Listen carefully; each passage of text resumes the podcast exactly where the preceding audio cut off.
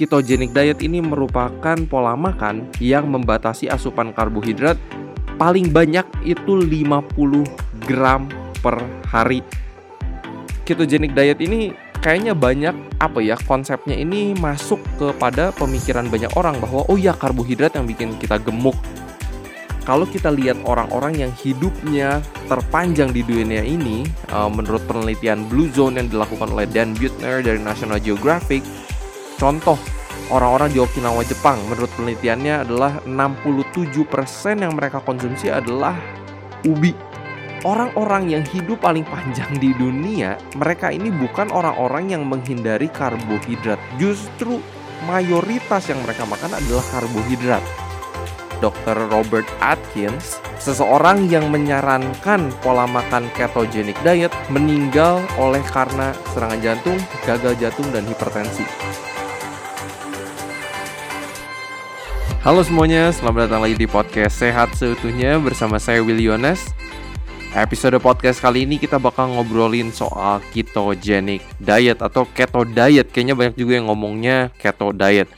Belakangan, ketogenic diet atau keto diet ini menjadi marak atau cukup terkenal atau cukup banyak dipilih orang sebagai satu pola makan sering kali digunakan untuk penurunan berat badan.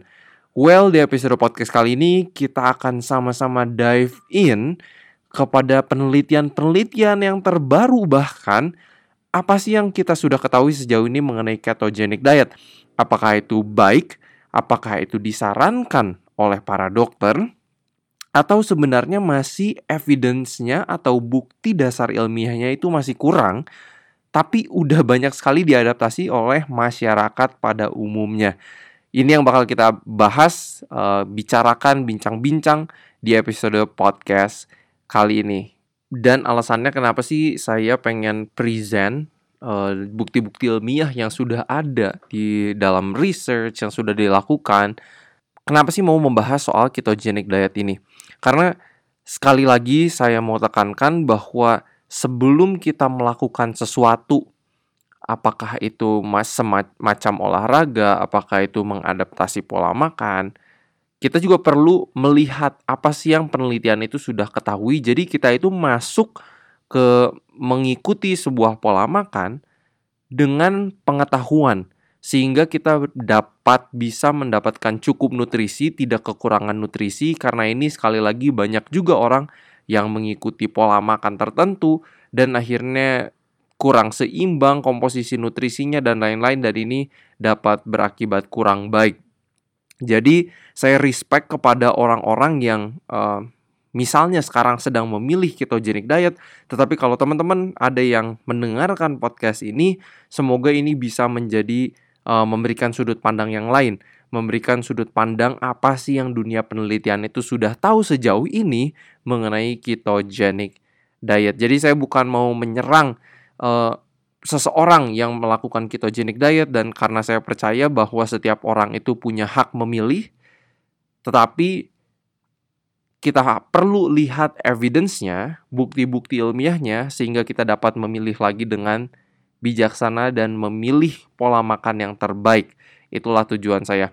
Mungkin teman-teman udah tahu saya sendiri mengadaptasi pola makan whole food plant-based diet, di mana yang saya konsumsi adalah 100% makanan nabati, dan kita akan lihat sama-sama ketogenic diet itu pola makan seperti apa, dan efek kesehatannya itu yang sudah kita ketahui sejauh ini itu apa.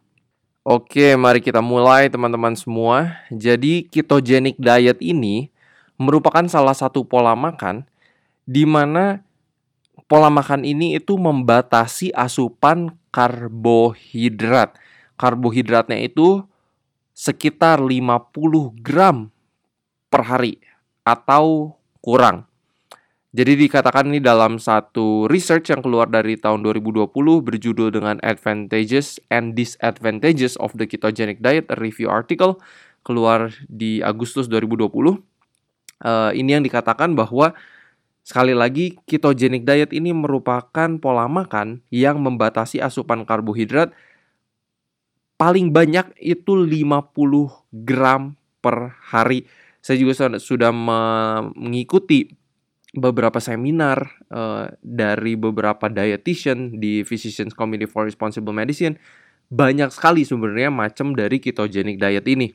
Jadi ada yang mungkin mengadaptasi karbohidratnya cuma 20 gram sehari, ada yang 50 gram sehari dan kalau mengenai protein ketogenic diet ini itu sekitar yang disarankan itu sekitar 1 gram protein per pound body weight atau satu setengah gram untuk uh, per pound body weight untuk individuals yang performing heavy exercises. Jadi ketogenic diet ini uh, cukup tinggi akan saran asupan dari uh, ininya ya, dari uh, proteinnya juga.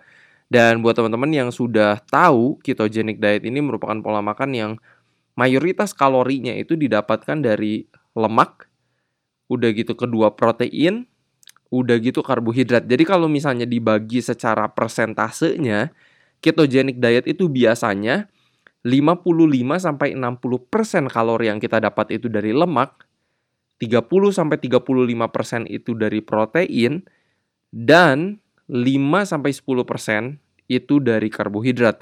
Ini sangat berbanding terbalik dengan pola makan yang disarankan pada umumnya pada diet yang seimbang di mana 45 sampai sekitar 55 sampai 60 65% itu dari karbohidrat, sekitar 20 sampai 25 itu dari protein dan sisanya dari lemak. Jadi sekali lagi ketogenic diet ini mayoritasnya adalah lemak. Oke. Okay? Nah, tadi saya mention di awal itu bahwa ketogenic diet ini biasanya meristrik atau membatasi karbohidrat itu sekitar 50 gram karbohidrat per hari. Nah ini kira-kira berapa banyak sih? Ini buat teman-teman ngebayangin aja ya. Nasi 3 per 4 cup itu 100 gram. Jadi setengahnya dari 3 per 4 cup nasi itu adalah total karbohidrat yang dikonsumsi seseorang dalam satu hari kira-kira ya. Kira-kira perharinya. Wow, itu itu dikit banget. Uh, kayak misalnya contoh lain ya. Ini saya ngelihat dari daftar penukar bahan makanan yang digunakan oleh ahli gizi. Singkong satu potong aja kira-kira itu ya sekali lagi ini uh, satu penukar karbohidrat ya dihitungnya. Satu potong singkong, satu penukar karbohidrat itu 120 gram. Jadi orang-orang yang ketogenik yang mengadaptasi pola makan ketogenik diet ini sangat-sangat menghindari yang namanya sumber karbohidrat seperti nasi, kentang, singkong, ubi, jagung, talas itu semua benar-benar dihindari seperti roti, mie, uh, crackers, pokoknya semua itu mereka hindari. Nah, mungkin itu sejalan banget gitu kan sama teman-teman yang berpikir pengen turun berat badan karena yang banyak beredar adalah bahwa kalau kita mau turun berat badan, kita harus hindari karbohidrat, kurangi nasinya. Dan inilah approach-nya yang digunakan oleh ketogenic diet.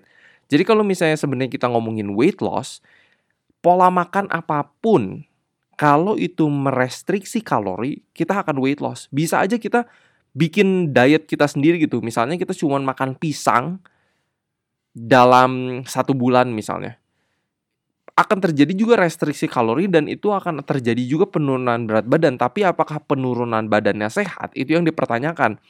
Itu yang harus dipertimbangkan. Jadi ketogenic diet ini kayaknya banyak apa ya konsepnya ini masuk kepada pemikiran banyak orang bahwa oh ya karbohidrat yang bikin kita gemuk. Ya udah kita hindari karbohidrat, akhirnya yang kita makan adalah daging-dagingan, banyak lemak, banyak minyak. Kalau teman-teman nge-google ya, ketogenic diet recipes gitu kan itu isinya daging-dagingan ada butter ada mentega ada uh, olive oil yang banyak dan lain-lain jadi um, itulah ketogenic diet karena mayoritas 55% sampai 60% kalorinya itu didapatkan dari lemak nah kalau misalnya kita lihat historinya sebenarnya ketogenic diet ini tuh kapan sih pertama ditemukan atau istilah ini tuh digunakan. Jadi istilah ketogenic diet ini pertama dibuat oleh seseorang yang namanya Russell Wilder di tahun 1921.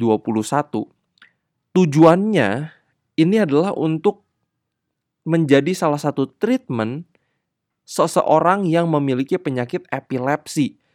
Jadi bukan buat weight loss.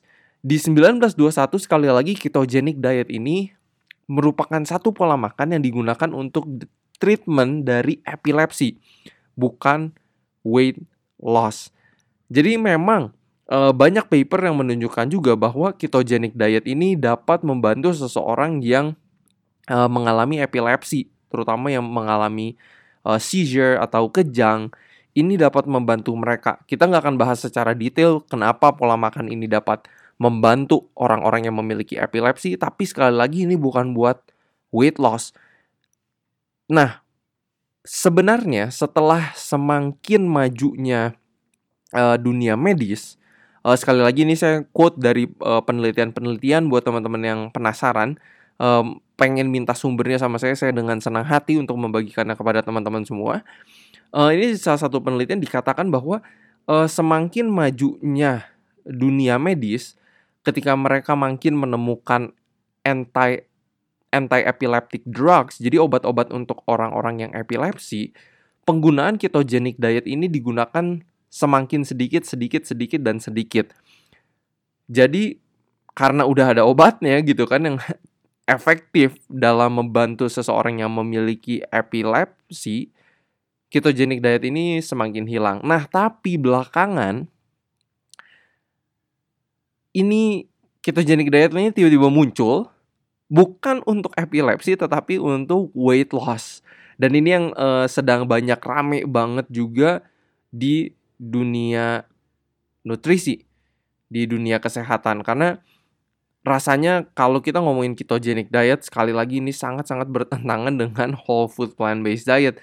Uh, orang-orang ketogenic diet ini konsumsi buahnya sangat sedikit karena di buah juga banyak karbohidrat, tetapi sebenarnya di buah itu banyak vitamin, mineral dan lain-lain. Uh, meng menghindari karbohidrat. Padahal kita kalau ngomongin karbohidrat kan ada simple karbohidrat, ada complex carbs. Jadi ini juga akan sangat berbeda efeknya kepada badan kita, kepada kesehatan kita gitu. Kalau emang kita makannya roti putih, crackers, crackers, um, it's not a good carbs gitu kan. Tapi kalau misalnya kita makannya kompleks carbs, nasi merah, nasi hitam, itu yang saya konsumsi di rumah gitu kan, nasi hitam. Uh, udah gitu juga kalau misalnya um, sumber-sumber karbohidrat seperti jali-jali, ada quinoa, millet kalau itu yang barang-barang yang impor ya. Uh, seperti sumber karbohidrat talas, ubi, singkong. It's a good carbs because it's a complex carbs. Oke, okay? well kita akan um, bahas lebih dalam juga mengenai itu. Nah, selanjutnya kita bakal ngobrolin sebenarnya apa sih yang terjadi ketika kita itu mengadaptasi pola makan ketogenic diet, apa yang terjadi di tubuh kita kita tahu sebenarnya karbohidrat itu merupakan a preferred fuel atau sumber tenaga energi yang paling disukai oleh tubuh kita. Nah, tapi kan kalau misalnya karbohidratnya kita konsumsinya sangat sedikit, ini pasti ada terjadi shift atau perubahan. Memang tubuh kita bisa menggunakan lemak dan juga bahkan protein. Itu protein tuh bag terakhir banget yang akan digunakan oleh tubuh untuk uh, menjadi sumber energi. Tapi memang tubuh bisa menggunakan lemak menjadi sumber energi. Tetapi kalau kita tidak memberikan karbohidrat kepada tubuh kita, eh, akhirnya ini akan terjadi perubahan. Yang akan terjadi adalah gluconeogenesis atau pembuatan glukosa di dalam darah yang terjadi di organ liver eh, dan juga terjadi sedikit di ginjal dan ketogenesis jadi ini salah satu uh, teman-teman gak usah ngafalin ini, tetapi ini adalah shift uh, yang terjadi di metabolisme tubuh kita ketika kita mengadaptasi pola makan ketogenic diet. Nah, sekarang kita mau lihat nih mengenai research-research mengenai ketogenic diet. Sebelum itu, salah satu argumen yang saya punya, kenapa sih ketogenic diet ini is not the best diet? Satu, kalau kita lihat orang-orang yang hidupnya terpanjang di dunia ini, uh, menurut penelitian Blue Zone yang dilakukan oleh Dan Buettner dari National Geographic, uh, orang-orang di Okinawa Jepang, di Sardinia Italia, di Ikaria Yunani, di uh, Nicoya Costa Rica, dan juga di antara orang Kristen Advent di Loma Linda, California, di Amerika Serikat, mayoritas yang orang-orang ini makan itu adalah makanan-makanan nabati. Contoh, orang-orang di Okinawa Jepang menurut penelitiannya adalah 67% yang mereka konsumsi adalah ubi sweet potato. Kalau kita ngelihat dari orang-orang yang di Sardinia, di Ikaria, Greece, mereka itu konsumsi banyak sayur buah, udah gitu juga whole grains atau karbohidrat yang kompleks. Jadi orang-orang yang hidup paling panjang di dunia, mereka ini bukan orang-orang yang menghindari karbohidrat. Justru mayoritas yang mereka makan adalah karbohidrat. Ini salah satu argumen gitu. Belum ada komunitas atau populasi orang yang hidup panjang oleh karena ketogenic diet. Kita masih belum punya datanya sampai hari ini. Makanya kenapa saya a strong advocate untuk whole food plant based diet karena emang salah satunya datanya itu juga udah banyak. Udah banyak buktinya di mana kalau seseorang populasi masyarakat mengkonsumsi mayoritas yang mereka makan adalah makanan nabati, itu salah satu ciri salah satu syarat atau dalam tanda kutip syarat ya karena kita nggak tahu umur kita sampai kapan semuanya di tangan Tuhan tapi salah satu ciri-ciri orang yang hidup paling panjang di dunia Sekali lagi saya bukannya meninggikan makanan lebih dari prinsip kesehatan yang lainnya karena sekali lagi gerak badan, tidur yang cukup, stress management, memiliki hubungan sosial yang baik itu sangat-sangat berpengaruh juga kepada kesehatan.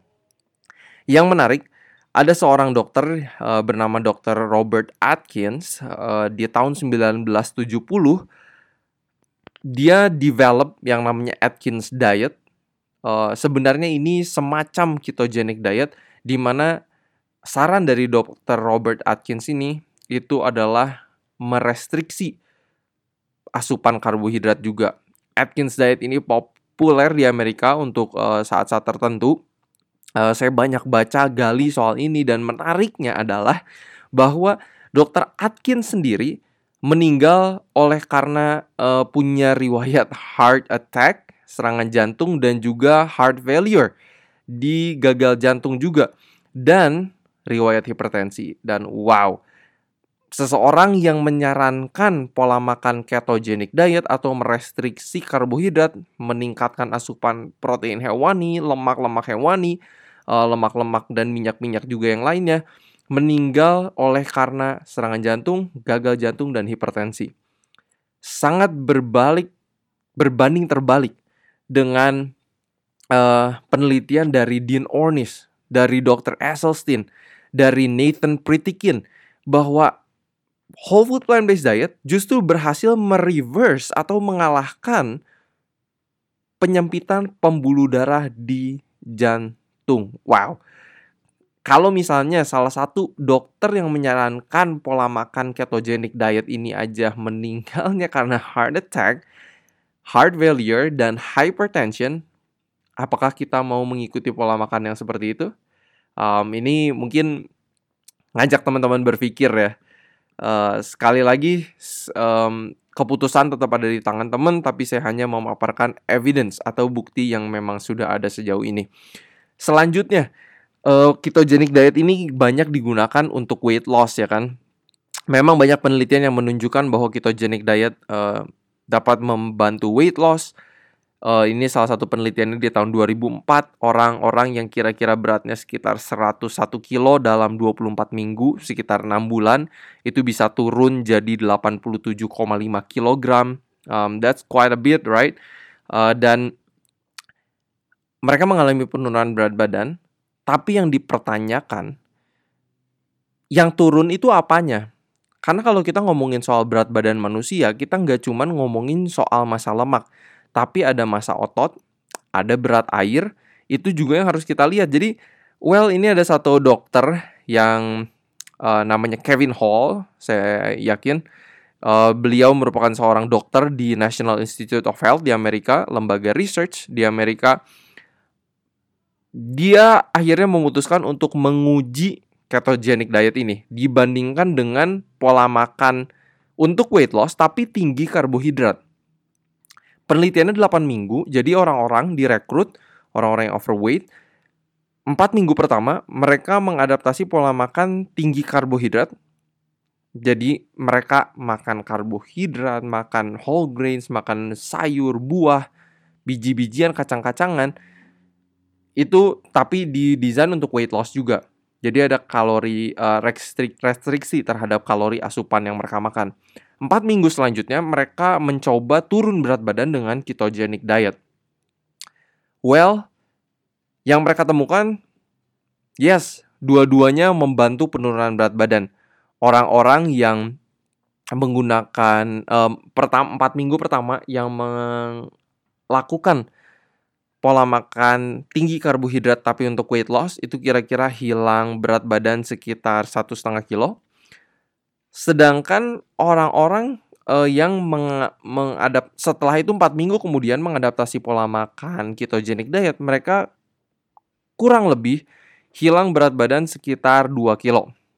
Oke, mungkin orang kan bilang kayak, oke okay, sure, uh, mungkin ketogenic diet ini lebih efektif tapi yang menarik yang dia temukan adalah penelitian ini uh, berjudul Energy Expenditure and Body Composition Changes After an Isocaloric Ketogenic Diet in Overweight and Obese Men.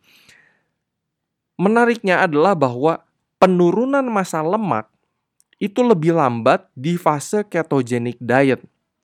Ketika seseorang mau turun berat badan, menggunakan pola makan yang tinggi karbohidrat, penurunan massa lemaknya itu lebih banyak, lebih cepat dibandingkan ketika seseorang mengadaptasi pola makan ketogenic diet. Ini salah satu konklusi dari penelitiannya. Bahwa kehilangan lemak tubuh itu melambat ketika seseorang mengadaptasi pola makan keto mengadaptasi pola makan ketogenic diet yang bertepatan pada peningkatan pemanfaatan protein dan hilangnya massa bebas lemak atau free fat mass. Jadi dengan kata lain, yang mereka temukan dari National Institute of Health adalah bahwa seseorang yang mengadaptasi pola makan ketogenic diet, yes, mereka turun berat badan, tetapi yang turun apanya nih? Free fat mass-nya, itu bisa berat air, dan juga massa ototnya. Karena ada peningkatan pemanfaatan protein di dalam tubuh mereka. Ini yang ini yang menarik banget gitu. Um, ini yang perlu kita aware karena penelitian lain sekali lagi ini di Oktober 2020 baru keluar keluarnya uh, berjudul Ketogenic Diet Risk and Downfalls dari The Journal of Nutrition. Dikatakan bahwa beberapa penelitian memang sudah menemukan bahwa penurunan berat badan yang di yang dialami oleh orang-orang yang mengadaptasi pola makan ketogenic diet itu adalah water loss atau lean body mass loss. Jadi hilangnya massa air, berat air dan juga massa otot. Wow, ini kan bukan yang kita pengen gitu kan. Justru kalau kita pengen weight loss, yang pengen kita capai adalah hilangnya massa lemak gitu, bukan massa otot, bukan massa air. Iya nggak sih? Ada concern lagi mengenai ketogenic diet ini bahwa ada beberapa penelitian yang sudah menemukan bahwa ketika seseorang mengadaptasi pola makan ketogenic diet ini walaupun mereka mengalami weight loss, kolesterol LDL atau kolesterol jahat dalam tanda kutip yang dapat mengarah kepada penyakit jantung itu meningkat ketika seseorang mengadaptasi pola makan ketogenic diet. Bayangkan aja yang mereka konsumsi adalah bahwa uh, yang mereka konsumsi adalah makanan hewani yang semuanya berkolesterol, lemak-lemak hewani, tinggi akan trans fat, saturated fat, dan itu dapat meningkatkan LDL kolesterol. Jadi ini dalam satu penelitian yang dipublikasikan dalam jurnal Atherosclerosis tahun 2020 menyatakan bahwa ini alasannya, salah satu alasannya, kenapa banyak dokter itu hesitant atau ragu dalam endorse atau dalam mendukung pola makan ketogenic diet ini. Dikatakan dalam bahasa Inggrisnya, many physicians are therefore hesitant to endorse it. Nah, ini yang menarik. Dalam penelitian ini ditulis On the contrary, numerous lines of evidence show that plant-based diets are associated with reduction on in oncological and cardiovascular diseases and a prolonged lifespan.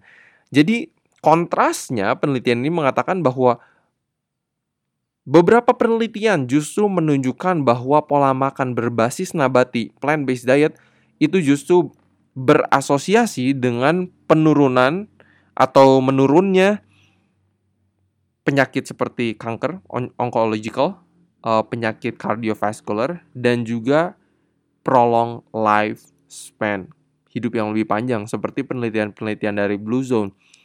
Jadi, penelitian yang lainnya juga menunjukkan bahwa ketogenic diet ini dapat meningkatkan inflamasi di dalam darah kita. Inflamasi ini yang akhirnya dapat mengarah kepada banyak sekali penyakit kronis, ini yang kita nggak mau, teman-teman. Dan ini ada satu penelitian yang sangat menarik. Ini penelitiannya sudah dilakukan sejak 2005. Bayangkan, kita sudah punya evidence-nya itu dari lama. Uh, ketika satu penelitian membandingkan empat, uh, empat pola makan untuk weight loss ya. Satu ada Atkins diet, kedua ada zone uh, zone diets, ada Weight Watchers, ada Ornish diet atau whole food plant based diet. Ketika mereka membandingkan empat macam pola makan untuk penurunan berat badan ini di Amerika Serikat menunjukkan bahwa kalau seseorang itu mengadaptasi pola makan whole food plant based diet, penurunan LDL kolesterol itu paling banyak. Penurunan total kolesterol itu paling banyak. Penurunan berat badan itu paling banyak. Penurunan massa lemak itu paling banyak. Penurunan kepada kadar gula darah itu paling banyak. Dan penurunan kepada tingkat inflamasi itu paling banyak dibandingkan dengan Atkins diet, zone diet atau Weight Watchers diet. Jadi sekali lagi teman-teman kita udah punya evidence dari ini penelitian di 2005 bahwa whole food plant based diet adalah pola makan yang terbaik dan jauh sekali lebih baik dibandingkan dengan pola makan ketogenic diet. Ini tercatat juga ada beberapa side effect dari ketogenic diet yang sangat-sangat perlu kita perhatikan. Ini sudah banyak sekali kalau teman-teman nge-google, baca penelitian, ini ada short term side effect dari ketogenic diet. Nomor satu, kekurangan nutrisi. Bayangkan kurang asupan whole grains, jarang asupan buah-buahan yang tinggi akan vitamin, mineral, dan lain-lain Um, jadi kekurangan nutrisi satu, nomor dua sembelit karena kurang serat. Bayangkan makan makanan daging hewani, butter, minyak itu nggak ada seratnya sama sekali yang dapat membantu kita membuang air besar itu lancar. Udah gitu juga ada beberapa orang yang mengalami keto flu. Keto flu ini mereka dapat mengalami mual, kelelahan, sakit kepala, nyeri otot. Itu yang disebut dengan keto flu. Udah gitu uh, glukosa mereka juga dapat terganggu, toleransi glukosa karena itu teman-teman bisa dengar di episode podcast mengenai diabetes ya, khususnya karena saya banyak membahas soal itu juga. Udah gitu efek samping dari ketogenic diet dapat uh, mengganggu fungsi arteri, uh, LDL kolesterol naik, performa atletik juga terganggu karena kalau kita olahraga sumber energi utama itu sekali lagi karbohidrat. Udah gitu yang terakhir ini yang efek samping yang teman-teman sangat tidak mau miliki adalah halitosis atau bau mulut. Bayangkan saja pencernaan yang tidak lancar, ini dapat juga menyebabkan bau mulut.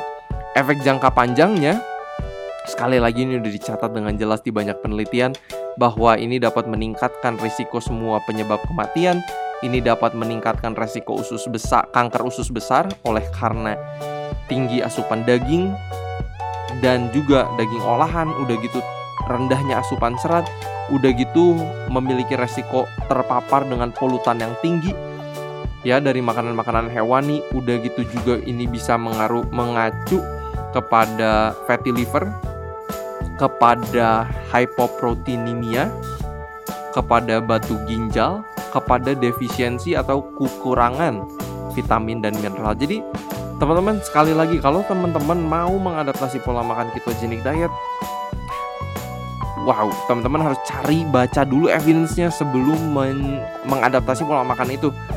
Sangat tidak disarankan secara pribadi. Uh, bahkan kemarin juga salah satu bos saya uh, di rumah sakit. Beliau merupakan dokter spesialis gizi klinik bahwa di dokter spesialis gizi klinik saja sangat tidak menyarankan ketogenic diet. Ini dari Asosiasi Kedokteran Gizi Klinik Indonesia ya. Saya kebetulan ngobrol dengan beliau. Beliau merupakan juga salah satu pengurusnya. Ketogenic diet itu sangat tidak disarankan. Jadi teman-teman, inilah evidence yang bisa saya bagikan di episode podcast kali ini. Semoga teman-teman ini boleh pikirannya semakin terbuka mengenai ketogenic diet ini. Kalau misalnya ada temen yang sedang ingin turun berat badan dan ingin coba mengadaptasi pola makan ketogenic diet, share podcast ini, ajak mereka untuk berpikir dua kali sebelum mengadaptasi pola makan ketogenic diet. Saya harapkan semua informasi yang dibagikan ini boleh bermanfaat. Kalau teman-teman ada yang berminat ingin baca langsung hasil-hasil penelitiannya, hmm, boleh banget untuk menghubungi kami di Instagram @setuhnya dan DM kami supaya kami juga boleh share link dari penelitian-penelitian ini semua. Sekali lagi kita selalu ingin membagikan informasi yang berbasis ilmu pengetahuan. Kita bukan cuman uh, ngomong doang tetapi ini semua berbasis bukti berada dasarnya gitu semua yang kita bagikan. So, thank you so much buat teman-teman yang sudah mendengarkan episode ini. Kalau teman-teman terberkati dengan episode podcast kali ini, boleh di-share di Instagram story-nya, tag kita supaya semakin banyak juga orang yang aware mengenai podcast ini. Seperti biasa, harapan saya semoga kita sehat seutuhnya.